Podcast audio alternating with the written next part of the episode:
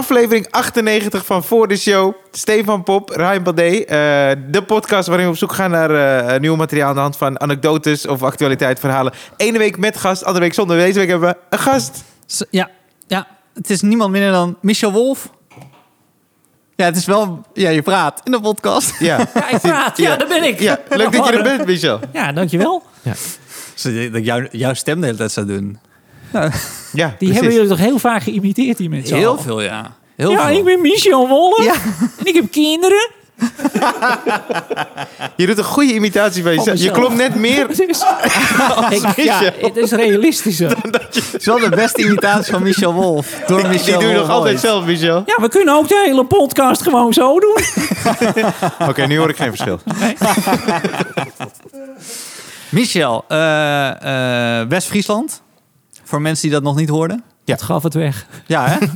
Is het nog steeds eh Noord-Scharwoude? Noordskarwoude, ja. Eh, eh, geboren getogen? Nee, ik kom uit Heer Hugowaard. Geboren in Oh. Alkmaar. Oh. Klassiek vertrokken richting het meisje. En die woonde in Noordskarwoude. Maar je hebt nooit in de, laten we zeggen, in de grote stad gewoond, hè? Nee, heel bewust niet, nee. Eh, Michel was, was, de, was de man die met zijn motor kwam.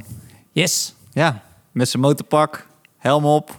En dan eh, als een snelheidsduivel op en neer. Op die poster die daar aan de muur hangt, Ja.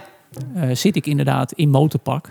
Ja, met helm op. Met helm op, met De- mijn cappuccino. Qua marketing, slechtste wat je kan doen, zo'n beetje. Ik zeg ook tegen iedereen die aangenomen wordt, die niet op de poster staat. Zeg jij gewoon dat jij die man in de motorpak bent. Daar kan iedereen gebruik van maken. Dat maakt er geen moer uit. Rij je nog motor? Nee, ik heb hem Oh. twee jaar geleden verkocht. Wanneer ben je... Want ik heb je in 2008, voordat ik begon, kwam ik hier kijken. En toen speelde je regelmatig. Echt funny. Maar van wanneer tot... Want je hebt tijd niet gespeeld. Ja, ik heb een soort, ja, ik wil geen haat-liefde verhouding noemen, maar, want er zit geen haat eh, in. Maar ik kom hier, eh, ik ben de enige binnen Comedy Train die volgens mij een normale baan heeft. en een vrouw en drie kinderen. En eh, dat zit elkaar behoorlijk in de weg. en elke keer als ik zeg, ik kap ermee, dan word ik gebeld door een of ander bedrijf of de Comedy Train van kom spelen of eh, we hebben een boeking voor je. Of Ja. is een tv-programma waar je mag aanschuiven. En ja, kennelijk wil het universum mij altijd hier weer terughalen. halen. Ja. En ik, Ja. eh, ik heet dat van harte. Welkom in Ja. mijn leven. Ik heb het ook altijd een beetje als de magie in mijn leven genoemd. Omdat het gewoon... De magie. Ja, dat is nog mooi misschien. Maar dat dit een beetje de smaakmaker Nee, is is een van mijn verschil. Magie. In West-Friesland vinden ze die blokjes van magie. Dit is al magisch. Dat is, dat is voor ons al soep. Dat is gewoon... Waterkoker aan blok iedereen. Schat, ik heb gekookt. Dat is... Verpakt Ik weet nog wel dat het kuppensoep kwam, dat West-Friesland dacht, ja, Nee, dat is dit is- voor dat- nodig? Ik ga weer niet aan meedoen. Maar eh, er is wel een dag geweest dat je dacht, eh, ik moet dat podium op. Ja. Of reed die motor... en- Nee, nee, nee. Dat is echt in mijn studietijd eh, ontstaan. Wat studeerde je? Eh, ik heb de HEO gedaan, bedrijfskundige informatica. En wij liepen stage, ik en een klasgenoot, eh, bij de Koninklijke Hoogovens. Mhm. En daar eh, zaten we eigenlijk meer een deel van de stage eigenlijk wel in de kletskist van Akde en de Munnik. Ja. En daar eh, zat ik eigenlijk heel lang te chatten met een klasgenoot die ook stage liep bij de Hoogovens. Zo te horen hadden we daar tijd over. Dat Dit klinkt als hives. Ja, ja, ja. Ja, eigenlijk, dat was wel in de tijd van, eh van Hives. Dus het, eh, de kletskist was al heel, heel modern, zeg maar. Maar was er zo'n chatruimte op de Ja, website ja, van Acte en de? Acte en Hoeveel mensen waren, waren online bij de kletskist? Nou, in ieder geval ik en Martijn. en eh, gedurende de dagen kwamen was er er soms heel ook in je veel eentje. mensen. Ja, ook in je Hallo. Martijn Meder. En het is toch magisch Thomas om in zo'n digitale wereld gewoon grappen te tikken. Ongeacht of je weet of iemand het gaat zien of Oh, je de ja. log gaat nakijken. En daar begon ik een beetje met eh, die klasgenoot wat, wat, ja, eerst wat teksten te citeren van Acte Munnik en van Joep van het Hek. En toen later dachten we, goh, kunnen we zelf niet iets, eh, iets, eh, iets tweeën? schrijven. Ja? Maar die, die andere persoon had je al wel gezien? Was het... Dat is gewoon een klasgenoot van Ja, oké, ja, ja, ja. En wij leerden eigenlijk tijdens die stage dat we allebei wat interesse hadden voor cabaret en, eh en grappen en grollen, humor. Ben je wel eens en, met als duo het podium Ja. opgegaan? Nee, want wij waren toen wat aan het schrijven. En ehm, ja, wij noemden dat de move. En dat kwam een beetje van een verhaal wat hij vroeger vertelde. Dat je zo'n klassenfeest, dat je met je colaatje te kijken naar, Ja. de, naar de meisjes. Ja. En dan te wachten totdat je genoeg moed had inge- dronken met je cola om Ja. een move te maken. En dat Ja. vond ik Ja. wel een heel leuk Ja. verhaal. Oh, heel goed. Ja. En toen waren we daarvan aan het schrijven. Toen zei hij, hey, ik heb iets gehoord in, in Amsterdam. Schijnt zoiets te zijn als stand-up comedy. Dat is een soort cabaret, alleen hoef je maar 10 minuten. En toen dachten wij, nou, dan zijn we gewoon snel klaar. Dat, En dat toen heb- klinkt als magie. Dat klinkt als weinig moeite, snel klaar. Dus we waren snel overtuigd. En to- toen heb ik er eigenlijk, ja, met z'n tweeën hebben we best wel een, een setje geschreven. En dat heb ik hier eh, toen... En, en in de beginperiode ging hij dan mee en dan ging je dan evalueren weer in die kletsbox. Ja. Nou, de eerste keer is natuurlijk gewoon heel vet spannend dat je besluit, Ja, ik ga ja. een kroeg bellen in Amsterdam. Ja. We hadden nog helemaal geen beeld van wat is, Nee. wat is comedy train. Eh, en ik ga me opgeven voor het open podium. Oh, toen hebben we eerst nog bedacht, we gaan eerst kijken of dat wat is van, kunnen we dit? Ja, en toen ja. zijn we hier gewoon een avondje gaan kijken. Ja, dat kan ik wel. En toen, ja, toen... ja, maar dat is ook kijken van... Het is gewoon, joh, het is gewoon Thomas Akda. Zit altijd in ik zit altijd in zijn kletskist. Zo moeilijk kan dit toch Wat is niet? Hans Simmel nou? Oh, we hebben trouwens extra special guest hè, vandaag. Hans Sibbel is onze gast vandaag. Hans die zit er gewoon bij met Ja. zijn wijntje. Super gezellig dat je er bent, Ja, heel Hans. tof. Maar toen, eh, wie, toen kwam je een avondje kijken. Ja, en toen trad ehm, Nico van der Knaap op. Oh ja. Uh, hey, Ja, die kan was je wicked. Kan je het Die was, nee, maar die was wel in zijn glory days Ja, toen. oh, heel vet. En ja, die, daar stond echt gewoon een, een totale gek op het toneel. En eh, hoe heet die zat aan de bar? Ehm, hoe heet die? Herman Brood. Herman Brood, Oh ja. ja. En, en, en Jij hebt hem Nico... nog met papegaaien gezien dan? Herman Brood. Ja, dat weet Nee, ik niet. oh, sorry, kakatoe, ja. Wist je dit? Dan zat hij hier aan de bar Ik met een kakatoe. maar ik wist niet kakatoe. Ja. Ik, weet, toen, ik was 15, kwam hier binnen en dan zegt een man in, in- met een kakatoe... Hé, hey, dat was echt grappig. Maar je denkt ook bij jezelf, ja... Als een gast met een kakatoe zegt, je bent echt heel grappig... Jij naar huis, nieuwe dan set. ga je zelf twijfelen. Nieuwe je? set schrijven. Jij in de kletskist. Hé hey, jongens, eh, ik, dan? ik heb nieuwe grappen nodig. De kletskist. Ja, Fantastisch. bizar. Ja. Ja, maar En- die zat hij toen. En, en, en Nico die had toen een heel verhaal over dat hij al die stuff niet nodig had. Want zijn lichaam maakte dat allemaal zelf aan. Ja. En die ging hier Geen woord aan helemaal nee. met 400% aan energie. Ja, stuitte die, die over Ja, dat ja, toneel. Ja. Geweldig. Ja. En eh hoe heet die? eh Over Schumacher. Oh ja, speelde hij toen nog veel? Ja. Oh, wat leuk. En toen ben je... En toen dacht ik, ja, dit is wel heel absurdistisch wat hier gebeurt. Het was wel echt, eh, ja, gewoon tof. Maar we hadden niet het idee van, nou, dit, dit, dit gaan we nooit, eh, nooit kunnen bereiken. Want die angst heb je ook, hè. Dat je, dat je ergens komt en dat je denkt, ja, dit ga ik gewoon never nooit waarmaken. Maar, eh, nee, we- het voelde gewoon goed. Ja. We hebben super hard gelachen die avond. De sfeer was goed. Eh, nou, de scene is gewoon tof. En het is heel absurd dat ik er nu nog steeds zit. Nou, Ja. zo Ja. vet veel jaar. En dat je dan zelf dat toneel hebt mogen delen met die beide mannen. Ja, dat is dat. Ja, Maar je, hebt, je zei net zelf dat je, dat je eh, eh, de enige is met baan. Heb je heel lang gevoeld dat je de odd one out was? absoluut. Ja.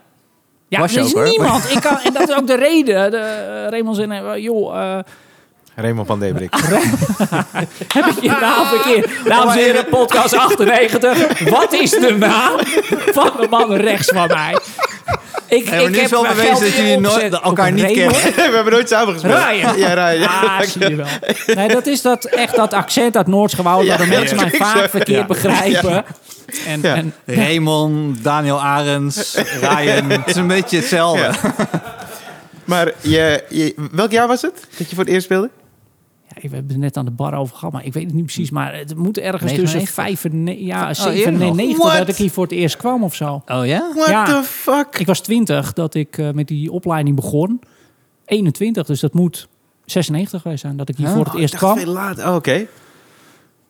Ja, eh, top. En toen heb ik echt die, die eerste keer dat je dus belt, je geeft je op, je zit hier. eh, ja, en dan, dan, nou ja, dat weten jullie allebei. De eerste keer dat je moet optreden, dat, dat, dat vergeet je niet meer. En je vreet niet eh, die dag. eh, de- he- je- het, het hele leven staat stil tot die tien minuten Ja, ja. dat je in die spotlight stapt. En Weet je, de open, eh, weet je je openingsschap nog? Je volgens mij begon ik. Ik moet even denken, ja, met een heel oud gedichtje van op de hoek van een ronde tafel. Ja, ik weet niet. Het was wel gewoon best wel jatwerk, maar dat, dat, dat... Oh ja, ik had een t-shirt aan van Live, de band Live. En ik had dan een gedichtje en Van op de hoek van een ronde tafel zat een jonge analfabetische grijzaard te lezen in het dichtboek dat achter hem lag bij het licht van een gedoofde kaars. Opeens hoorde hij een geluidloze knal. Hij rende de trap op naar beneden, keek op zijn fiets hoe laat het was, sprong op zijn horloge en fietste weg. En reed toen tegen een paaltje aan dat twee weken geleden was weggehaald. Hij viel in een opgedroogde plas en hij was drijfnat. Met twee gebroken benen rende hij naar het ziekenhuis, waar de dokter constateerde dat hij alleen een gebroken oorlelletje had. Twee weken na zijn dood stierf hij opnieuw, maar hij leeft nog lang en gelukkig. Hier is hij, dames en heren. Hier is Michel Wolf en hij is hier vanavond. En dan draaide ik me om en dan had ik dat zwarte t-shirt met de tekst live op mijn rug. Ja, en dat, dat iedereen klappen. En, en dan denk je, hey, dit werkt. En toen heb ik eh, nou, met tien minuten met behoorlijk seksdoorspekt eh verhaaltje hier eh, opgehangen. Maar Ja. hoe lang heb je al zo'n goed geheugen? Jezus, Hey, ja. dit soort shit, die, Jongen, die vergeet ik niet Knap, meer. man. Maar als je nou zegt, wanneer zijn je kinderen jaren? Die, die, die ruimte is opgevuld met dit soort nonsens gewoon. Maar dat is echt... Zet dat op een shirt. zet het op een t-shirtje, ben je klaar? Papa, zo heb een mijn gedicht? brein. Ja, Ik heb geen cadeau voor je, maar ik heb een gedicht. ik heb wel dit Exact hetzelfde gedicht. maar heb je dan ehm, eh, eh, het gevoel, je, je begint eraan, dan is er vaak, eh, als je begint, denk je bij jezelf, oké, dit is, ik ben de next big thing. Ik ga nu alles laten vallen. Michel Wolf staat binnenkort in Kleine Comedie en eh zalen vol, let's go. Maar jij bent gewoon heel consequent. Ja, was het, was dat het werk blijven doen, toch? Ja. Was het consequent? Ja, ja, is wel ook een beetje de angsthaas in mij. Dat ik denk, eh, ja, ik heb drie kinderen op de wereld gezet. eh, een vrouw, Maar toch een niet op je hypotheek. twintigste? Het ging best wel hard trouwens. ik ben fucking vruchtbaar. Dus eh, nee, dat ging best wel hard. hè. Dat ik echt mijn, mijn vriendin leerde kennen. Dat we al heel snel wisten van, nou, dit, dit, eh, dit is prima zo. En wij gaan lekker samen verder. En toen hebben we eigenlijk heel snel... Mijn leven zag er toen zo uit dat toen ik afstudeerde... had ik al een baan geaccepteerd bij de ABN AMRO. Ja. Ik moest nog negen tentamens doen. Ik moest nog mijn scriptie schrijven. Ik had een hypotheek afgesloten onder eh, baangarantie. Dus ik moest wel een baan, anders ging het hele feest niet door. Mhm. Dus ik zat in een afstudeerperiode waarbij ik en eh, het leuk vond om op te treden. Ik moest die negen tentamens halen. Ik had die baan geaccepteerd, dat huis gekocht. Alles onder voorbehoud van, van, van. En dat, Ja. eh, toen zat ik echt in die modus van... je gaat eerst je dromen realiseren... en de route daar naartoe, dat is dan maar je leven. En dat pakte uiteindelijk wel goed uit. Alleen toen zat ik wel daar ja, met mensen op te treden... ook die dan binnenkwamen van... ja, ik woon anti-kraak. Ja, ik niet. Ik moet gewoon eh, de ABN AMRO eh, aflossen. Anders dan... eh, dus ik heb helemaal niet die luxe. Dus dat idee van, ik ga dit fulltime doen... en ik heb hier ook wel met alle Maar ze respect... hebben ook geen luxe, ze wonen anti Ja, ja, ja. Ja, nee, maar dat, Hij dus- jaloers. dat idee dat ik denk, ja, ik heb hier een, een knappe opleiding en een knappe baan. En dat is natuurlijk wel een beetje absurd om dan ja, Nee, drie keer per week is? op te, op te treden en dan dat, dat, dat gat te gaan vullen. Ik vond het heel riskant. Maar dat is, eh, wat er absurd dan is, is dat je natuurlijk eh, gedurende de week werk je bij ABN AMRO. Komen mensen binnen voor eh, weet ik veel wat voor verzekeringen en wat je allemaal aan ze kon slijten. Hij zat gewoon op het hoofdkantoor. Maar Ja, Stefan, geen hij is theatraler, ervan. hè, oké, Oké, hij zit dat- op het hoofdkantoor. Nou, ik stond op Mensen zo'n komen binnen geldtelmachine. en die zeggen, kan je dit printen? Kan je dit printen? Drie keer. Dat was zijn werk. Had hij negen tentamens voor gedaan. Maar wat absurd dan is, is dat je dan s'avonds kom je dan hier eh, optreden en zit je in een line-up met, eh, zeker in die jaren, er sp- speelt Hans eh, zijn traai uit van Trui, van, van eh, eh, eh, Theo Maassen komt hier spelen. Eh, je hebt, je hebt Rauw Heertje die tijd penis, penis zegt tegen je. En eh, dan rij je weer met je motor terug. Ja, Raoul was altijd penis. Nee, weet ik, met Najib speelde je toen ook. Najib? Ja, Najib, eh, Hans, Ja. John Jones hebben we Ja, nog mee John gestaan, Jones. geloof ik. Ja. Ja, dat is, en, en, en dat is ook wel absurdistisch, ook voor mijn leven. Dat ik overdag inderdaad gewoon die hypotheek aflossende ambtenaar... of later ben ik ambtenaar geworden, eh, toen bij, bij de bank... en s'avonds tussen dit soort grootheden. En dat waren voor mij echt wel gewoon redelijk onbereikbare mannen... die ik alleen van de cd'tjes en de televisie kende. En, En de- één en de keer sta website. ik er gewoon tussen. De kletskist. Ja. Ja.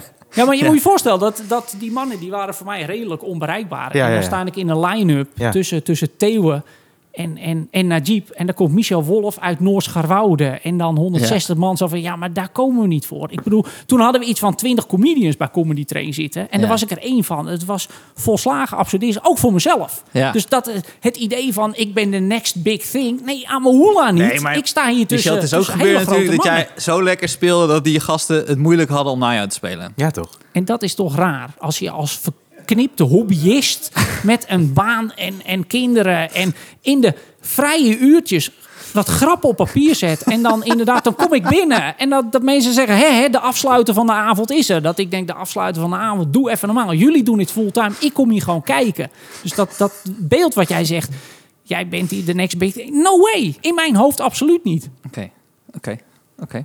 Dus ik heb daar altijd heel hard voor moeten knokken om dat te doen. Zeker in theaters en zo. Dat ik in Alkmaar moest, eh, moest optreden tussen die, eh, die mannen in. Ik weet alleen wel, Michel, dat jij ieder jaar in september bij de start van het nieuwe seizoen, en ik kwam erbij ergens eh 2003 officie- officieel zo. Het is 2000, 2001 begon ik hier. 2003 officieel. Ja. Dat jij eh, in september bijna altijd zei, ja, nu ga ik aan, aan een cabaretfestival meedoen. dat heb ik jou echt vaak horen zeggen.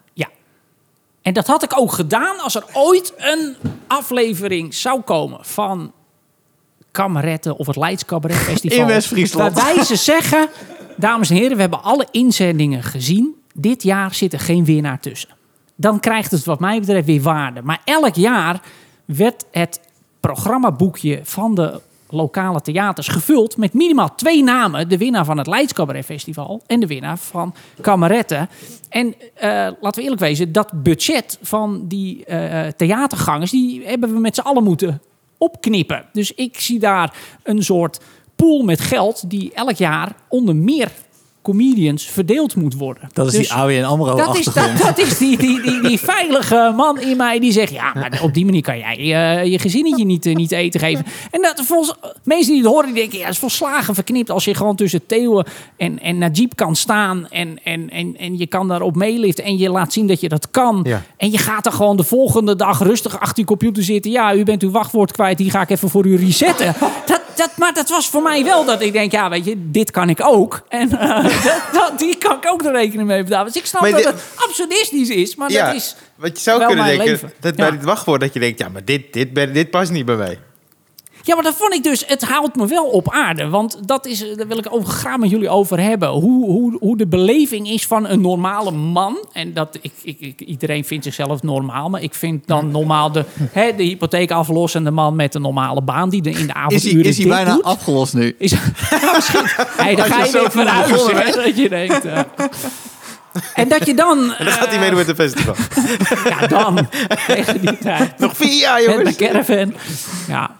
Nee, maar dat is wel eh, dat ik maar... Steven net zei, ben je in het buitenbeentje geweest? Ja, zo voelt dat wel. Dat ik toch wel een rare eend in de bijten ben eh, binnen dit gezelschap. En dat ik ook moeite heb gehad om mijn weg tussen die mensen te vinden die fulltime met comedy bezig Ja. zijn. Want het is hartstikke leuk dat je optreedt in een theater van 900 man. Je krijgt een staande ovatie. En iedereen die slaapt uit. En ik zit om half negen gewoon bij gemeente Zaanstad achter de computer. Werkelijk waar, iemand zijn wachtwoord te resetten. Mhm. Want dat was gewoon mijn job. Om... En dat hield me wel, en houdt me nog steeds wel gewoon met twee poten in de klei en Ja. op de grond. Terwijl ik hier ook mensen zie die eh, gedragen zich ook buiten het podium alsof ze eh, een soort half god zijn. Dat ik denk, Ja, doe even normaal. Dat hoeft niet. Ja, Raymond gaat ervan uit, Raymond. Raymond, Raymond gaat ervan uit dat iedereen hem kent.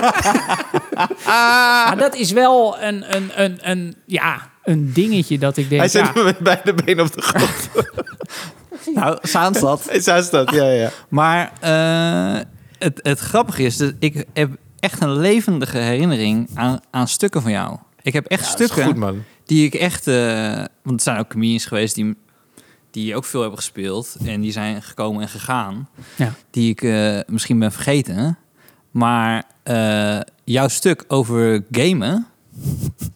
Ja. Met, eh, waarbij... Maar ik, weet- doe je het verhaal Ja, nog? nou, ik heb heel veel verhalen over gamers. Ik weet niet op welk stuk jij nu, nu doelt. Want gamen is gewoon, ja, zeker in gezin nu met drie jongens, is dat gewoon een heel groot deel van ons leven. Ja. ja wat net als leuk. de rest van Nederland trouwens. Nee, maar, maar hij, hij was toen al echt een gamer. hè? Oh, stuk Het was een gamer Wat- avant wat- la lettre. Nou, eh, Nou, eh, kan je dat verhaal vertellen gespeeld. over de... de hè? Franstalig heb ik nooit gespeeld. Nee. Ga door. Welk verhaal is het? Die inbraak. Ja. Zou je Ja, dat kunnen vertellen? Oh, als tenzij je het nog doet. Dan Nee, hij is, hij is, en, en er is geen woord Ken van dit gelogen. verhaal, Hans? En het is echt... Dit is, het, dit, is, dit is het mooiste is- verhaal, vind ik, van, die ik eh, eh, heb gehoord van, van jou. het is echt heel, tru- heel triest. En daardoor ook mooi, denk ik. eh, omdat het heel puur is. Gewoon van ik had, mijn avond, ik had mezelf een avondje gamen beloofd. Ja. En het spelletje wat ik toen speelde, dat was Medal of Honor Allied Assault, MOHA.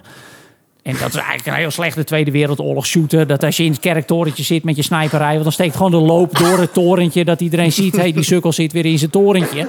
Maar dat was toen, eh, ja, was leuk. En eh, ik zat op zolder en ik had een heel eh, gamebureau in elkaar geknutseld... met alles erop en eraan. neem de hele racer-collectie in je hoofd. Nou, zo zag mijn hele bureau eruit. Raam open, wel belangrijk. Gordijntje open. Ik begin daar uur of acht... En ik zit lekker in mijn spelletje en dat duurt tot een uur of tien. Eh, hoor ik in één keer eh, sirenes in het dorp. Ik denk, nou ja, je woont in het dus ik denk, nou, er- er is wat gebeurd. Op Ja. een gegeven moment nog meer sirenes. Ja. Eh, ik zie op een gegeven moment eh zwaailichten zo'n beetje in de straat, maar ik zit gamen. Ja. Dus eh, ik denk, nou, er is wat gebeurd. Nou, boeien. Eh, je zit in je spelletje of niet. Derde keer dat hij denkt er is iets gebeurd, hè Ja, trouwens. maar dit boeit je niet. Je zit toch te spelen. Ja. Dus ik, Ja. ik, ik zit, Ja. ik zit echt lekker te gunnen. Ja. En, en op een gegeven moment eh, hoor ik nog iemand roepen. Eh, Help. maar dat, ja, ja, ja. Snel. Wacht even, laten we het verhaal sorry, sorry. Op een gegeven moment komt mijn vrouw de trap op. Helemaal een beetje ondaan. En eh, die zegt... eh, eh, ik zeg... wat is er? Ze was echt bij, bij zo in paniek. Ze zegt, er, er is een gijzeling gaande in de straat. dus ik kijk op. Ik, zeg, een gijzeling? Eh, ja, kijk dan naar buiten. En ik zie inderdaad eh, diverse politieauto's, zwaailichten. De hele buurt is eh, in rep en roer. En wat gebeurt er nou? Terwijl ik daar lekker zit te gamen... wordt er om een uur of half tien aangebeld... in de woning recht tegenover ons. Mijn buurmeisje doet open. Die krijgt een mes op de keel. Wow. En die wordt door een man eh, op de bank gedwongen. Terwijl zijn eh, compagnon Ja. de trap oploopt. En daar de hele hebben en houden overhoop eh, begint te halen. Een kwartier later komt haar vader thuis. Eh, de deur wordt opengegaan. Hij krijgt een pistool op zijn hoofd. En hij mag naast zijn dochter op de bank plaatsnemen. En die andere man die eh, haalt alle goud, sieraden, hele teringzooi uit het huis. Ja. Ze lopen naar eh, beneden. De deur is opengegaan. Toen eh, rende die man weg. Toen heeft mijn buurman nog geroepen... eh, kijk uit, hij heeft een pistool. In mijn stand-ups dingetje zeg ik dan... Ja, toen dacht ik nog, ja, het is geen pistool... maar dat is een, wat is het, een, een sniperrijvel waar ik mee, mee bezig ben. Ja. Maar mijn vrouw die, die doet dit hele verhaal. En ik kijk naar buiten. Ik zie al die politieauto's. Mijn vrouw kijkt me aan en die zegt... Heb je de hele avond niks gezien? Ja. En ik zeg, ja, het, het, zou een beetje zonde zijn van je gameavond. Als je achter de computer gaat zitten gamen... en je gaat vervolgens langs je scherm naar buiten kijken. Schat, ik zit niet op het werk.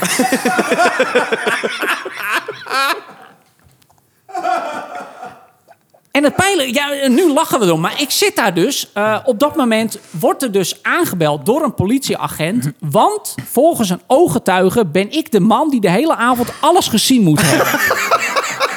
Ik echt, het is echt heel terug. Ik ga naar buiten. Ja. Ik ga in dat politiebusje met die man. Die kijkt ook. U heeft de hele avond daar gezeten. Je ziet daar echt een keurig verlichte zolder. Met een mega raam. Gordijnen open. Alles.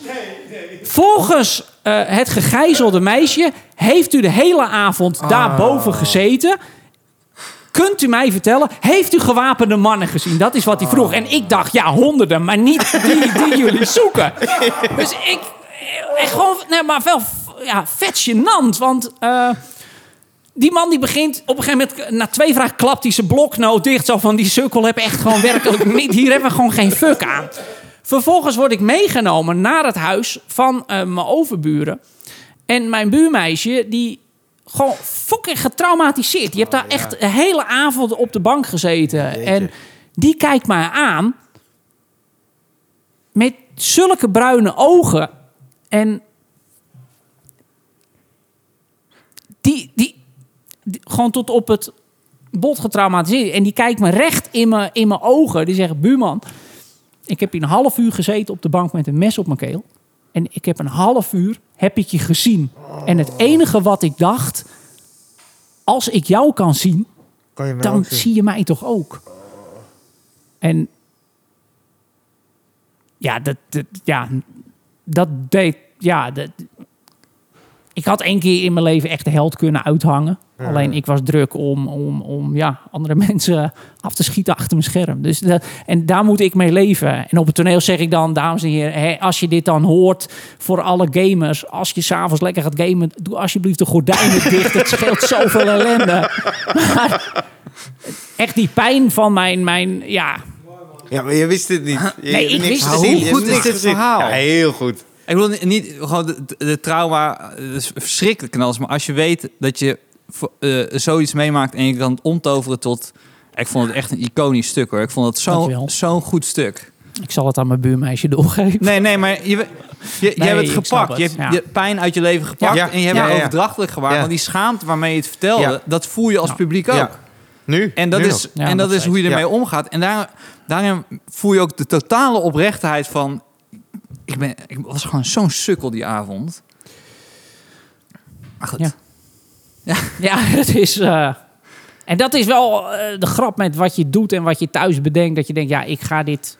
Ik heb die grappen erin gezet en mensen zeggen, ja, je moet die grappen eruit halen. Want het verhaal op zich is mooi genoeg om op het toneel te vertellen. Alleen de comedie in mij die kan het dan toch niet laten om dat laatste stuk erin te zetten van doe die gordijnen dicht. En dan Ja, ja, hebben een manier we om een daarmee hele om te gaan. club die zegt dat moet eruit. En een andere club die zegt, ja, dit is een briljante afsluiter. Ja. Eh, ik vind het wel ook heel moeilijk om dan op het toneel, op het, om het op dat pijnlijke vlak af te ronden en niet dat laatste setje te geven om nog even die lach te pakken. En daar kun je van alles van vinden. En dat vinden, ja, de een vindt dat heel mooi en de ander vindt dat juist zonde. Van joh, laat die pijn lekker, eh, lekker in die zaal achter. Eh, ja, dat is die grens. En daar kies ik dan toch voor om hem nog even af te maken, om hem toch even in te koppen. Ja. En dat zijn wel discussies die je hier eh, gaat voeren met andere comedians. Van, Heb, ja, heb je daar moeite mee gehad in de periode dat je hier was? De discussies over wat goede comedy is en wat geen goede comedy Ja. is? ja. Welke comedians vond jij goed? ik, ik, heb echt, ik ben echt Voordat je aangenomen door Raoul Heertje. En Raoul heeft zo'n overtuigende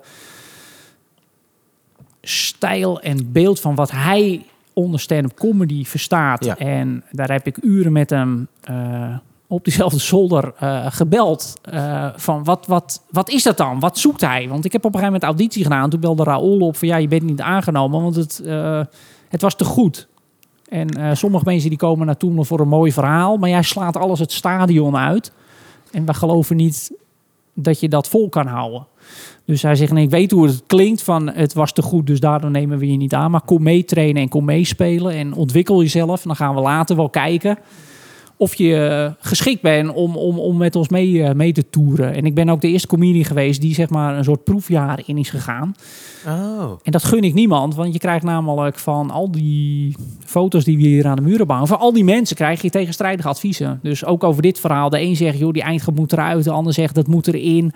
Uh, en ik heb toen, en dat is ook een beetje de tip tegen alle nieuwe aspirant comedians, Mhm. pak twee, drie mensen uit het hele collectief waarvan je zegt, hier ga ik naar luisteren. Uh, bij mij was dat echt wel uh, Raoul, Murt en ik heb met Nico van der Knaap heel veel gesprekken gevoerd. Uh, en de rest, daar luister je naar, daar knik je naar. En je zegt dat je er wat mee doet. En je trekt lekker je eigen plan. Maar volg in godesnaam de mensen die je zelf... die een stijl hebben waarvan je zegt... ja, dit past bij mij. Hier kan ik iets, iets mm -hmm. mee. En wat Raoul mij vertelde... ja, hij zegt stand-up comedy moet uit jezelf komen. En als jij het verhaal vertelt op jouw manier... en dat is ook dat verhaal over dat, uh, dat gamen... dan wordt dat vanzelf leuk door de manier hoe jij erin zit, hoe jij het vertelt. Ja. En je vertelt het niet omdat er nou een goede eindgrap zit. Want ik wil, iets, uh, ik wil een goede grap maken over gordijnen. Dus dan heb ik een heel gijzelverhaal. Nee, zo werkt dat niet. Nee. En, en, en dat moet je gaandeweg proeven. Van, hé, hey, ik heb hier een verhaal. Iedereen hangt aan mijn lip. Ik snap zelf nog helemaal niet waar het zit. Ik heb ook zo'n stukje gehad over die, die grafzerken in, eh, Oh ja. in Frankrijk. Dat ik eh, met mijn gezin over zo'n Tweede Wereldoorlog begraafplaats eh, loop. Ja. Ja, en dat, dat, dat is ook een heel mooi stuk geworden. Eh, Maar dat vond ik namelijk eh, eh, zeker in die, in die de laatste periode dat je hier veel speelde, waar, ik- waar ik bij was, vond ik eigenlijk dat je dat steeds meer en meer ging doen. Eigenlijk dat je de, je persoonlijke eh, verhalen om wist te zetten naar comedy bits, waarbij het misschien daarvoor eh, eh, meer gewoon grappen achter elkaar was. Je werd meer, je werd meer verhalend. Nou, ook omdat het, ja, het lucht ook wel op natuurlijk om gewoon dit soort shit waar je zelf mee, mee worstelt in het leven, waar je zelf ook Ja. nog een beetje een plekje moet, eh, moet vinden. Of ja, eh, mijn buurmeisje zegt, Gijzelwee, hoe ga je daarmee om? Ik kan het hier van me aflullen. Ik heb problemen met mijn ouders gehad eh, en die heb ik hier komisch gebracht. Heeft wel heel veel gezeik in de familie op, eh, opgeleverd. Eh, maar dat ik denk, daar heb ik met Nico van der Knaap hele goede gesprekken over gehad. Die zegt, ja, weet je, ouders moeten zijn voor hun kinderen. We gaan het feest niet omdraaien. Dus dit is het mooiste stuk wat je ooit geschreven hebt. Haal het niet in je harses om het eruit te zetten. En dat gaat over de, de, de overspannen periode van mijn vader. Tijdens mijn puberteit, dat Ja. ik... eh, daar allemaal voorbeelden van had. En dat is echt wel een zwarte pagina in onze eh, familie geworden. Van hoe kan het nou zo zijn dat jij een beetje grappen gaat lopen maken over de ellende van je vader? Ja. Heeft dat ook met het dorp te maken? Als je in een, eh, gewoon in een kleinere gemeenschap woont, dat, dat mensen gewoon banger zijn wat de buitenwereld ervan vindt? Nee. Nee, dit speelt helemaal niet. Niemand weet in, in, in, in Heerengewaard in die tijd joh, wat, wat, wat Toemler is, wat comedy train is. Dat staat heel ver. Maar hoe stonden ze Van- überhaupt... van eh, hoe keken je ouders ernaar dat je überhaupt stand-up comedy deed? Ja, dat is heel raar. Heel veel mensen die denken, oh, dat is leuk, een comedian in de familie. Ik kan je vertellen, dat is voor de familie helemaal niet leuk. Want eh, er worden wel dingen verteld die wij echt vertellen, die ons echt raken. Dat zijn wel dingen die, wat ook wel familieaangelegenheden zijn. En gezeik in de familie en echtscheidingen en, en kinderen waar je het niet mee kan vinden. En gezeik. En dat proberen wij hier toch een beetje van ons af te lullen. Het scheelt ook een psychiater, hè, met wat Ja, we hier ja, met ja, z'n allen zeker. doen. Zeker. En, en, Ja. en, en hoe rauwer eh, die verhalen worden, hoe mooier dat wordt op het toneel. Ja, want En hoe, dat vond ik... het ik, levert wel gezeik op. Ja, ik heb jou in 2008 dus eh, een paar keer gezien, maar ik vind vooral jou... eh, eh, het is heel invoelbaar. Als je op het podium stond, ik voelde altijd jouw emotie. Maar omdat het dus echt is. Ja, dat is absoluut. Maar hoe ging je dan te werk? Want bijvoorbeeld dat verhaal van je buurmeisje. Het is gebeurd. En na hoe lang denk je of speelt het in je hoofd? Heb je het eerst verteld aan andere mensen en dacht je toen ik breng het naar het Ja, podium? gaat binnen een week. En dan zit ik gewoon in de auto en dan ga je dat- die verhalen een beetje voor jezelf verwerken. En dan proef je van, hé, hey, dit is eigenlijk zo absurdistisch. En ik kon er ook wel wat grappen over maken. Ik schreef toen ook wel columns voor, een, eh, voor de PC Gameplay, voor zo'n eh, game tijdschrift. Hm. Dus dan ben je ook al elke week op zoek eh, naar een nieuwe insteek. En Dus je denk staat hey, al soort van aan. Je staat Ja, altijd daar. Volgens mij eh, Ja, altijd, kunnen we hier ja. als comedians onderling... eh, ja. je kan het niet uitzetten. En Nee. dat is ook wat ik zeg, dat het niet altijd leuk is voor de familie. We staan gewoon altijd aan. Ja. En als we een grap kunnen maken... Ik denk dat de meest killing periode elk jaar... voor elke comedian die twee minuten stilte tijdens dodenherdenking. Ik denk dat we allemaal kapot gaan. En ik moet dan drie kinderen in toom houden... terwijl papa de hele tijd tegen zichzelf moet zeggen... hou je kop, hou je kop, hou je kop. En ik ben zo blij dat ik het gered heb... dat ik dan zeg, goed gedaan jongens. En dan lachen mijn kinderen van... ja, dat roep je elk jaar. Maar ja, maar dit, dat meen ik ook. Want ik weet hoeveel moeite het bij mij was... om niet in lachen uit te barsten. En dat heeft niks met disrespect te maken... maar gewoon Ja, die spanning. Net dit- als zo'n sauna, weet je wel. Die temperatuur kunnen we wel aan, die 10 minuten. Maar de 10 minuten niet praten, omdat er zo'n bordje stil hangt. dat is niet vol te houden. Dan gaan we stuk. Fantastisch. Fantastisch. Maar dit, heb je dit altijd... Want dit is, oh, dit is een comedie in hart en nieren. Heb je dit altijd al gehad? gehad? Ja dat, denk- ja, dat denk ik wel. Ik denk wel dat we... Ik bedoel, wij... Jullie toch ook? Je, je was toch niet je leven voor comedy train en daarna? Nee, het, de, de manier van leven, de manier van hoe ons brein werkt... heeft ervoor gezorgd dat we hier uiteindelijk op dat toneel zijn, Ja. eh, zijn beland. En het is niet dat het daarna pas... We hebben het daarna misschien wel verfijnd en Precies. we hebben het wat serieuzer benaderd. Maar dat stemmetje in ons hoofd die alles in het belachelijke kan trekken... hoe triest de situatie ook is, dat wij toch iets hebben om te grinniken diep van binnen... Ja, hoe hoe Dat is toch een wij soort- kunnen lachen op begrafenissen van Zeker. collega's. Zeker. Dat jouw verhaal, dat je zo onopvallend mogelijk je telefoon uit een graf probeerde te gaan. En gewoon Oh ja. dat, dat woord zo onopvallend mogelijk tijdens die begrafenis, dat is, dat is gewoon mega leuk. Gewoon. Daar, heb ik nog steeds heel veel lol om. Dat soort kleine, stomme dingen. Maar heb je, want daar, des te gekker vind ik het, dat je eigenlijk de laatste jaren zo weinig optreedt. Want Ja, maar is ik schrijf wel, dus ik moet wel. Het, eh, ja, het is net als woede en zaad. Je kan het opkroppen, maar het moet er een keer uit. Ja. We moeten dat op papier toevertrouwen. Ja, dan snap ik wel je problemen krijgt thuis. Ja, maar op een gegeven moment, je moet ook. En, eh, ja, ik, als ik moet optreden, ik zei het net ook tegen, tegen Hans, dan staat het de hele dag in teken van. En als Ja. ik een groot bedrijfsoptreden heb, en dan, dan is dat drie weken lang dat ik fulltime in mijn hoofd bezig ben met comedy. En dat betekent dat de pakken hagelslag, de koelkast in verdwijnen, de koffiepot staat ergens op de vensterbank. Ik ben mijn troep kwijt, de kinderen zien, het zwerft weer door het huis. Papa is er weer lekker bij vandaag. En dat is de andere kant van de medaille die mij zoveel kost, omdat ik dan eigenlijk niet echt ben met mijn gezin. Ja. Dat ik denk, is het me dat waard? Ik hoef dat niet voor dat geld te doen, want ik heb gewoon een knappe baan. Ik doe dat toch voor die kick, want elke keer als ik gebeld word van... joh, eh, kom hier spelen, ik ga erop af. Gisteravond ook weer, dan denk ik, nou, ik, ben, ik, ik heb een nieuwe baan. Ik, heb, ik hoop daar al mijn energie in kwijt te kunnen. En dan in één keer komt er een WhatsAppje binnen van Cheyenne... Kun je morgen meedoen met de podcast? Dat ik denk, hoe is het nou weer mogelijk dat ik net een beetje op dat spoor zit van ik kap ermee? En, de, en, en er is het universum weer. Ja, ja, ja. ja. Ik moet wel zeggen, Daar als is ik dan het een universum comedian weer. ben... Ja, je dat? ja, Daar is het universum het universum Dat is mooi. Dat is een mooie zin. Ja, goed, ja, ja, Hele goede titel. titel. Daar is het universum Daar weer. is het universum. Ja, oh, fantastisch. Zo'n zo Michel die op een poster staat van. Daar is het universum Jullie weer. willen dit zo graag met z'n allen. Met op de er achtergrond het universum. En dat Ja. is die haat-liefde vrouw dat ik zeg, oh, altijd als ik zeg, ik kap ermee, belt er een groot bedrijf, kom bij ons een optreden doen, of Comedy Train belt, of dit. Ik moet er wel bij zeggen, aflevering 98. En dan word ik op dins, nee, op maandagavond, 6 uur, krijg ik een WhatsAppie binnen.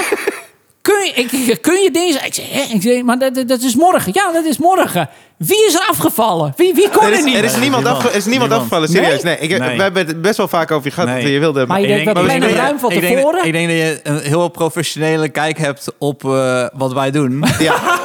En vooral hoe we het doen. Het is meer zo, oh ja, we moeten morgen weer... We, hebben, wie, wie, wie hebben- we willen gewoon een keer Michel hebben. Ja. Zou, die, zou die nog willen komen praten over stand-up? Ja.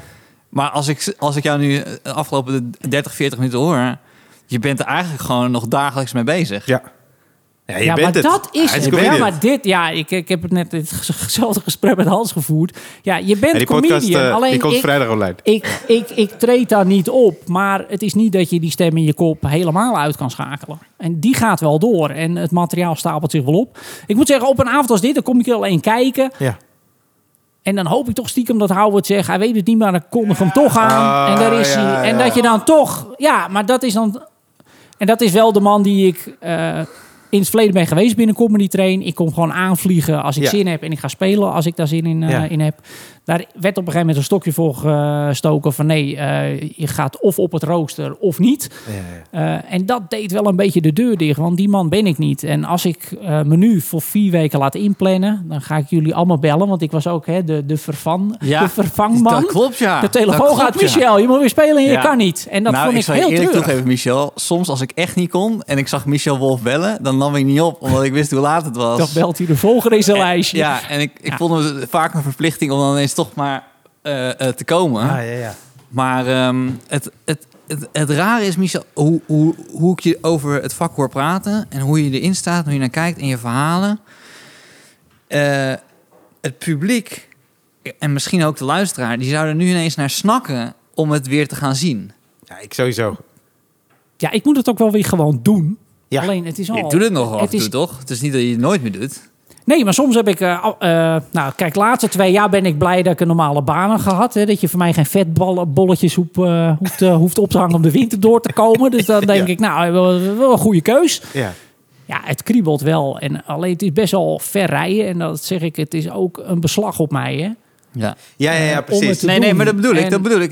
Dat dus, die- dus jij moet zelf iets inleveren zodat het publiek iets krijgt. En, dat, en, dat, en, en daar zit waar het voor jou wringt.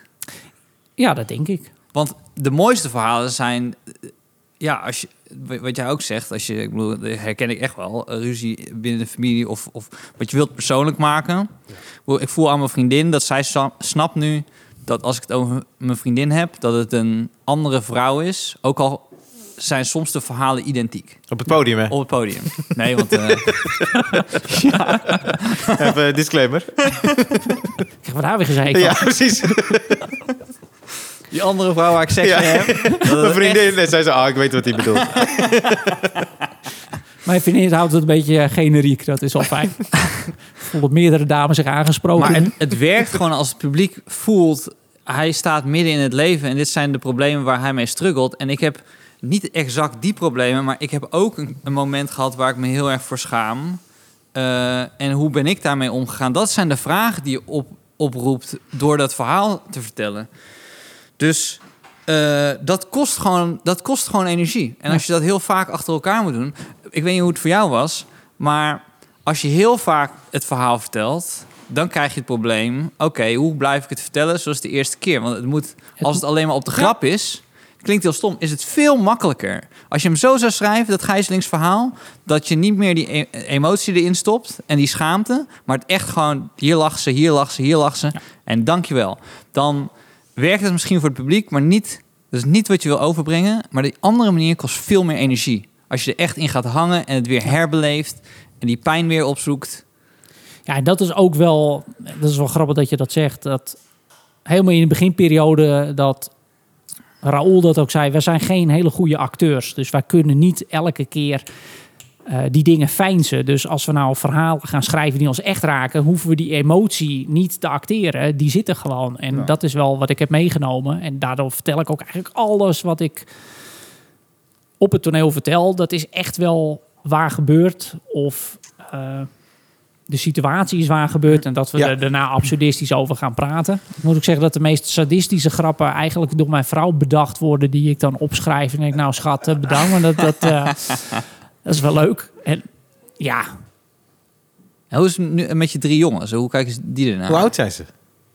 Ja, ehm, ik heb mij, ja, dat was wel grappig. Vorig jaar zei, vroeg iemand. eh, toen zei ik tegen iemand: Ja, ik ben vader van drie, eh, drie kleine kinderen. En zei: Joh, hoe oud zijn ze dan? Ik zeg eh 12, 15, 18.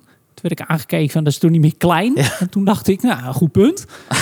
dat je ook, je, op een gegeven moment heb je zo'n beeld en zo'n verhaal over jezelf. Dat Ja. gaat jaren mee. En op een gegeven moment moet je dat bijschaven. Ja. dat was voor mij ook zo'n eye-opener. dat is zo'n ik Ik ben inderdaad niet meer die man met die drie kleine kinderen. En de grap is eh, dat papa heeft opgetreden in heel veel theaters. Dat zegt ze niks. In Toemler, dat, ze, dat, dat kennen ze ook, eh, ook niet. Indian Summer Festival, Lowlands, hebben ze wel eens van gehoord. Maar dat ik gewoon door Stefan Pop en Ryan gevraagd ben voor een podcast...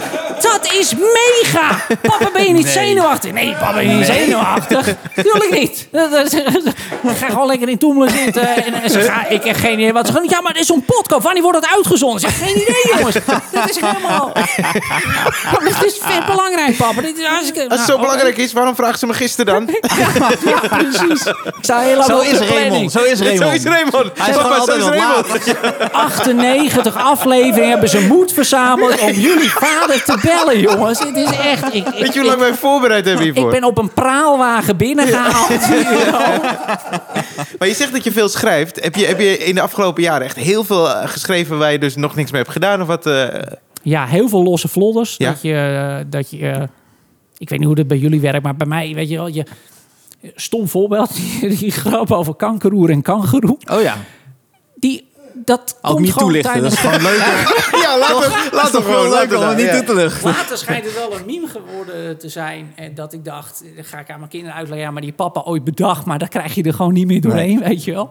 Maar dat komt tot je tijdens het uitruimen van een vaatwasser. Dan komen er in één keer uit het niets allemaal grappen in je hoofd. Dat je al- altijd als je net geen pen en papier bij je hebt... of je telefoon van fuck the fuck... Ja. ik moet er iets mee. En ja, dat, dat, dat schrijf ik wel op. En dat... Meestal ga ik dan bij ons ehm, in het dorp bij een café zitten.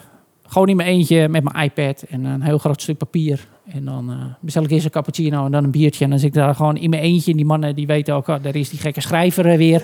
En dan ga ik in mijn eentje daar gewoon een avondje zitten. Ja, heel mooi. Een uurtje of twee. En stuur je het dan nog naar Martijn?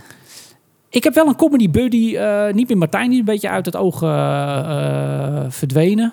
En ik heb wel een collega, eh, Ja. een vriend, comedy buddy, die ik dat allemaal gewoon kan toesturen. En ook via WhatsApp en eh, noem maar op. Eh, en die, die, die schieten dan op. En meestal is het haha, en dan weet ik, nou, dit is gewoon goed en er is niks aan te doen. En soms zijn drie vraagtekens dat ik denk, nou, nog even boetseren. en, en, maar dat, hij is de enige eigenlijk die dat... Die dat dan leest. eh, ja, en als ik het helemaal een keer uitgeschreven heb, omdat ik een speech moet schrijven voor iemand of voor een groot optreden, dat ik ruim de tijd heb, dan geef ik dat nog aan een andere collega van, joh, je staat helemaal los van je, helemaal buiten de comedywereld. Hoe kijk je ernaar?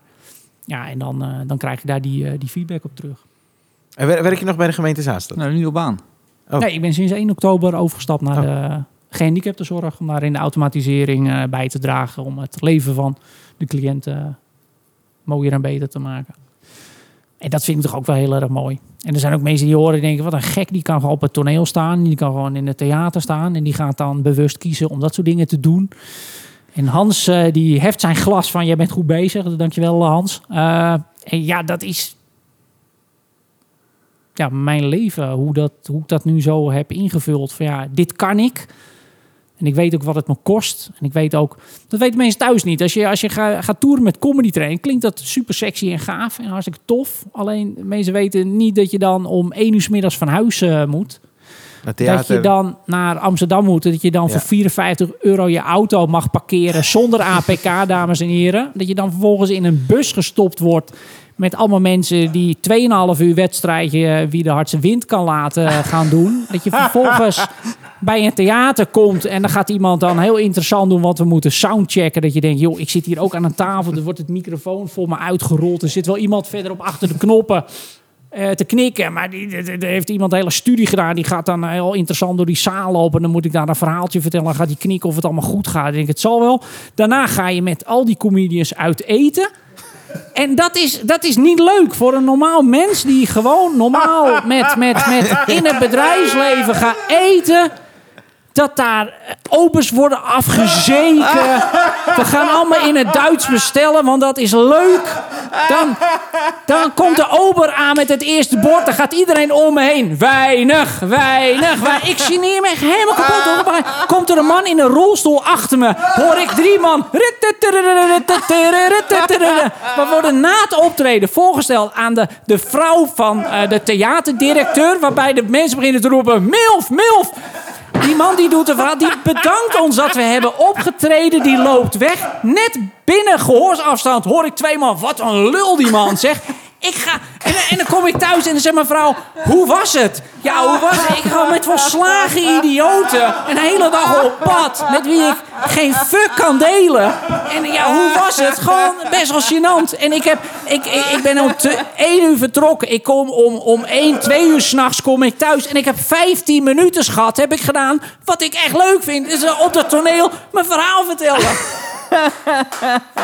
Ik denk, ik denk van 98 afleveringen dat dit het meest realistische beeld is Ja, ja, van het comedyleven wat je ooit hebt kunnen krijgen. ja. Van een normaal mens in Comedyland. En wij Ja. allemaal mooie verhalen hoe het ja, leven ja. eruit ziet. Hoe leuk zo'n optreden was. was er dit, ja. Nee, ik voel het ja. Maar je kan Nou, nu... Ik vind het ook confronterend, want het was precies de generatie eh, waar ik in zat. En hoe vond jij dat dan? Dat je denkt, ja, dit is mijn volk. Of denk je van, wat, wat, wat is dit? Is dit niet on, enorm overrated in de rest van het land? Dat mensen dit horen en denken, oh, dit, dit- geef mij een avond met die comedians. Dat is toch lachen? Dat je denkt, nou, het is voornamelijk heel veel kromme Nee, ja, ik, wist wel, ik wist wel vrij snel... Oké, we zijn wel wat we zijn wel redelijk verknipt. Als in, en ik voelde ook wel, ook al kom je er jong in... dat je denkt bij jezelf, oké... dit gaat mijn persoonlijkheid niet ten goede komen. Nee. wacht even, wacht even. Ik ben nog niet helemaal klaar. ik weet namelijk, Hans... Hans, jij zit toen ik hier binnenkwam- 175, hè? Nee, maar toen ik hier binnen... Ik heb denk ik... Ik denk dat ik de eerste twee, drie jaar... Als ik erop terugkijk, een beetje schaam voor wie ik was. Daarna, wat het voordeel weer wel is, vind ik... Dat als je daar doorheen gaat... Dat je jezelf kan zijn. En dat vind ik dus het rare ervan. En, en wa- wat, je, wat je omschrijft is ook helemaal... Is ook helemaal eh, zoals ik het ook, ook wel herken. eh, van een jonge groep die, die, die voelt dat ze anders zijn... eh, niet weten hoe ze dat moeten uiten heel, heel erg projecteren, het probleem bij andere mensen leggen. Maar ja, ik durf wel te zeggen, als je er doorheen gaat, Ik zeg niet dat het voor iedereen op die zwarte manier moet, maar... Ik denk, als, ik denk dat ik een mo- Nee, ik denk als dat je ik een het mooie- heel mooi doet en je gaat echt- Sorry, ik moet even zeggen. Eigenlijk is, is stand-up comedy een zoektocht naar jezelf. En, eh, en, en degene die het uiteindelijk redden, die hebben zichzelf gevonden. En daardoor zijn ze origineel op toneel en origineel eh, mensen. En dan zie je de ziel van iemand. En daar hoort al die shit bij. Want jij noemt de shit, maar er, zijn ook, er zitten ook heel veel prachtige gesprekken bij. Maar die noem je niet, want die zijn niet grappig. Maar we hebben ook zoveel gave gesprekken gehad. Dat we met elkaar eh, in, in, in busjes over comedy aan het praten waren, zoals nu ook. En die zijn helemaal niet grappig, maar die gaan over de ziel van wat, wa- waarom doe je het, waarom wil je het. Ja. Want fuck it man, je, uiteindelijk ben je een comedian. En, want je komt toch weer terug, ook vanavond weer. Yep. Omdat je ook voelt dat daar iets heel moois is. En, en je kan ook die, die, die belachelijke en de, en de bizarre kant benoemen, maar ook die mooie kant. En dat is bij elkaar, is het wat een comedian maakt. En dat maakt een goede comedian. Dankjewel. Dankjewel, Hans. Mooi. Zeker mooi. Ja. Ja, ik denk wel dat hij... eh nou, hij heeft natuurlijk wel gelijk. Ja. Ja, maar het, het is wel leuk. Ik ik denk dat het interessant is om met z'n allen die zoektocht door te maken. En ook elkaar te helpen in die ontwikkeling. Maar dat is het moeilijke, denk ik, van een groep. En daar, eh, dat herken ik wel. Dat je zegt, kies er twee uit waar je die klik mee hebt en ga daarmee werken. Want eh, in heel veel feedback zit projectie van de persoon die zelf ook zoiets doormaakt. En eigenlijk wat hij tegen jou zegt, is wat hij tegen zichzelf wil zeggen. Dat is in ieder geval wat ik vaak merk bij feedback. Maar goed. Ja, dat eh, in de tijd dat we dat hier, eh, hierachter... eh dat dezelfde mensen de langste feedback geven, ben ik helemaal eh, met je eens. En dan hoor je elke keer hetzelfde bij iedereen. En die horen zichzelf ook graag praten. En daardoor is het wel belangrijk nou, dat je die gesprekken daaromheen... Op een gegeven moment hebben we ook die feedbackrondes eruit gegooid... omdat dat Maar- gewoon niet meer bracht. Laten we ook wel wezen, het was ook best wel een harde periode. Die, ergens gewoon begin 2000 en zo, daar hebben we het al een paar keer ook in de podcast over gehad. Het was, het was, het was, het was gewoon harder. Heb ik als je nu bijvoorbeeld nu hier bent, dan kijk ik ook even- even naar Hans. Het is veel zachter geworden. Alsof we ook als hele club zoiets moesten eh, doormaken om te merken, oh nee, eh, met eh, elkaar liefdevol benaderen. Want dat merk je vooral, vind ik, in nieuwe stijlen die zijn ontwikkeld. Of dat nou Casper is of, of Tim. Dat we de ruimte geven eh, dat we eh, mensen ander soort comedy ma- laten maken. Ik denk dat we een best wel lange periode hebben gehad... waarin we heel sterk het idee hadden, zo moet het! Hey! Ja, maar dat, is, dat, dat, dat werkt enorm remmend. En ik vind het mooie, zoals vanavond kom ik binnen, is het open podium. En ik heb Kim, denk ik, drie jaar geleden voor het laatst gezien. Was enorm aan het zoeken van wie ben ik op het toneel. En vanavond staat ze. En, Ja.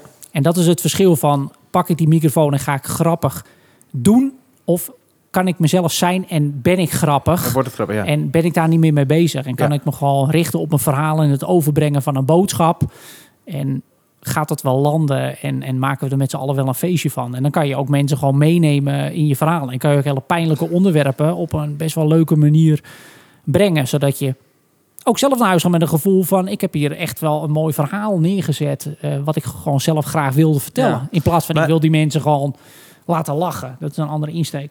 Maar wat je vertelde, hè, van dat verhaal met die, met die gordijnen. Dat er dan eh, soms wel eens discussie was. Van ja, dat moet je op het einde niet doen, wel doen. Heb je het wel eens verteld en dan het einde niet gedaan? Ja, dat heb ik. Ja, en dan voelt het. Ik ben toch die man. Ik moet uiteindelijk toch dat bal het stadion uitrammen. Ja, dus want- je hebt wel geprobeerd en uiteindelijk voel Ja. je nee, dit ja, is ja, hoe het niet. Ja, en, precies. eh, ja. ja. Ik, eh, een heel mooi stuk Maar is, dat dat goed. ik... Ik zat op een gegeven moment in die kroeg die teksten te schrijven. Toen had ik ook een hele tijd niet, niet gespeeld. Ja. Eh, ook, ja, er is een kleintje geboren en dan is dat toch een stuk belangrijker dan hier 180 onbekenden vermaken. Stomme keus misschien, maar zo werkt dat dan bij mij. En toen zat ik in die kroeg en toen had ik zoveel onsympathieke grappen over mijn kinderen en mijn vrouw geschreven.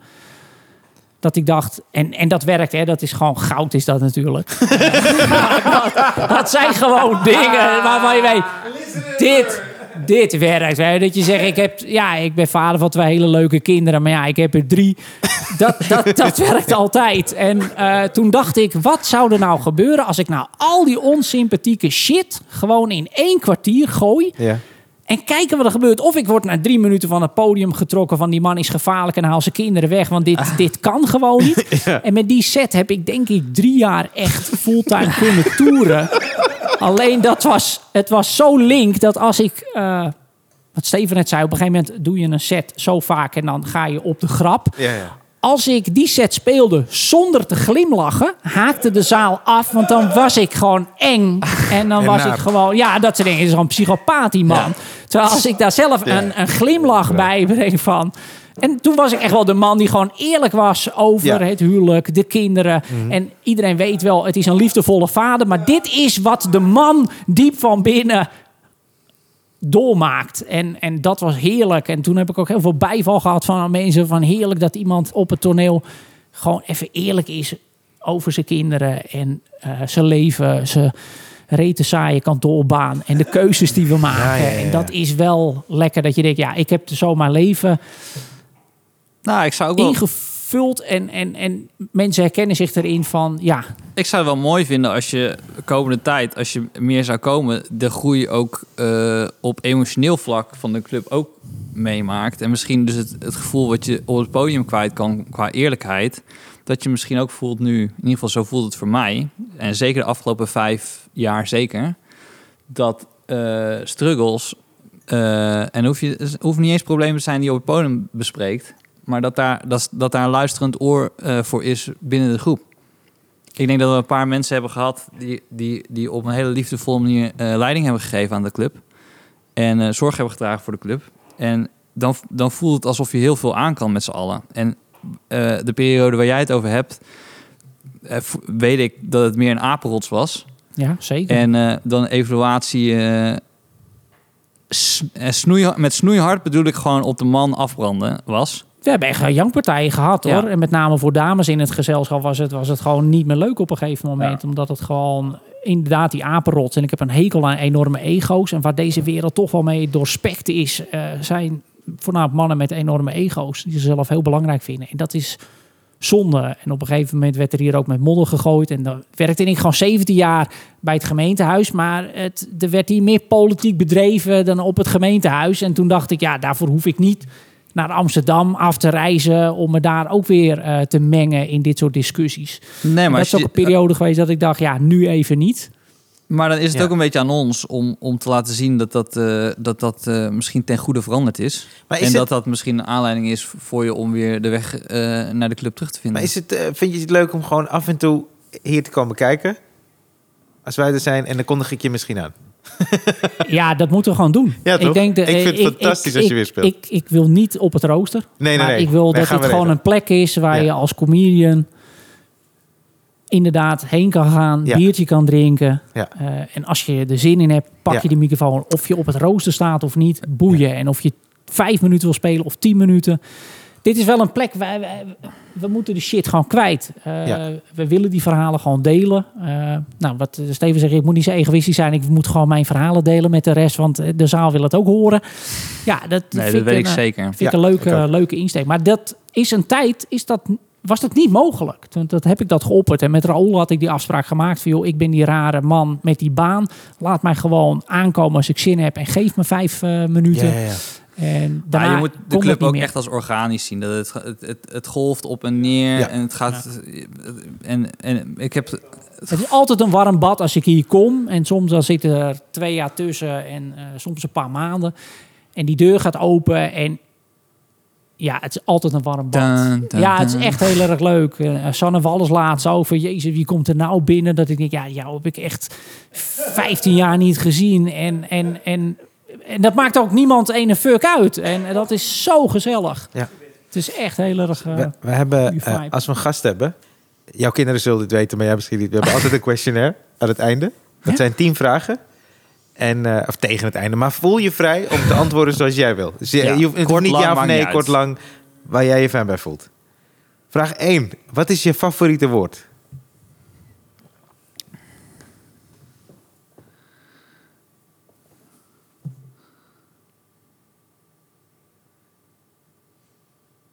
Kinderen. kinderen. Ja, ik, eh, wat is mijn favoriet woord? Ja, nee, ik, ik, ik heb niet echt een stopwoordje volgens mij. Toch? Nee. Ah, ik hoorde Sander van op Zeeland weer zeggen. kinderen. Wat is je minst favoriete woord? Kanker. En eh, vraag drie, waarvan ga je aan? Creatief gezien, spiritueel, emotioneel, maar eigenlijk vooral creatief. Waar ga je van aan? Hele goede muziek. Wat voor muziek hou je? Rock. En welke artiesten vind je heel vet? Live. YouTube, Pearl Jam. Muse. Oh, Muse. Ja, nice. Vet. En waarvan ga je uit, creatief gezien?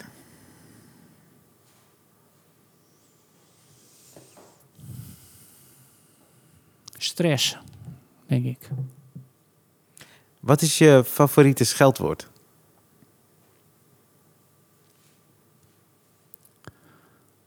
Fucking.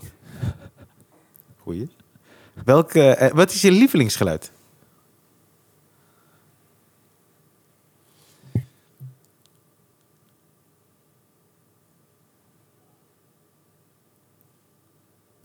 Ik denk gewoon het geluid van mijn hele gezin aan tafel. Nou, Mooi. Beter- beter dan Mietje, Mietje. dat, Nee, dat is echt Beter dan helemaal- je zou ze- zeggen het geluid dat de PlayStation aangaat. Nee, dat is wel, eh, ja, dat uh, gewoon uh, huiselijke gezelligheid. Ja. Mooi man. Ja. Eh, wat, wat, wat, welk geluid haat je? Nagels over een schoolbord. Welk beroep, anders dan de beroepen die je hebt gedaan, zou je willen doen? Waarmee je financieel onafhankelijk kan zijn. Ja, even, geld speelt geen rol. Geld speelt geen rol. Ja, dan ga ik gewoon brood bakken. Ja? Ja, vind ik echt heel tof. Super vroeg op. Nee, want nee, geld speelt geen rol. Dan kopen, dan kopen ze maar wat Je gaat gewoon bakken. voor de fucking lunch. Of gewoon bakken. Oké. Oké. De warme lunch bakken word ik dan. Die gaat toen in De de, vijf uur mijn nest ja, ja. uit. Als ik financieel onafhankelijk ben. Welke idioot doet dat? Oh, papa, lekker weekend. Ja, dat kan ik zien. Het is half vier en hij is weer in de keuken bezig. Nee, natuurlijk niet. Welk beroep zou je nooit willen doen?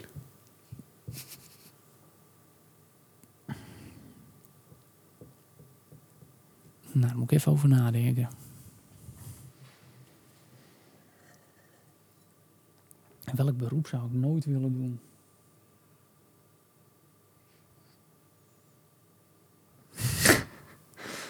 Ja, mensenmisbruik als jurylid of zo?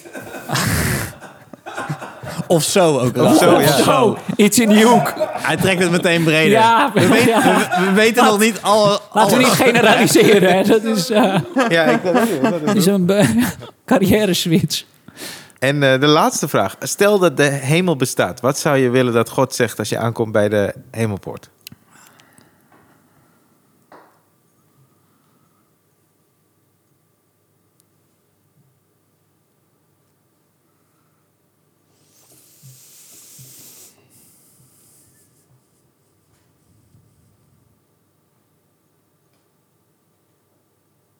Dat is een mooie vraag. Ja, Raymond heeft het ook van, een, eh, van iemand anders. Ik, ga even, ik, ga, ik laat hem even zakken. Ja, is Ja, goed. is goed.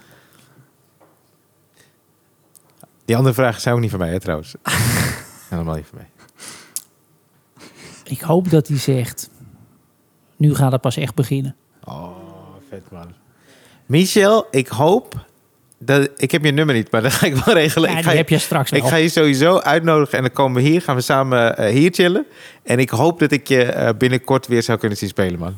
ja, hoop- dat ik ga ik jou gewoon beloven. Ja, Dat tof, man. doen. Zou heel, zou heel tof Echt bedankt. Het Dank dat je er was. universum wil dat. Ja, het Wanneer, wanneer jij is wil. het universum weer.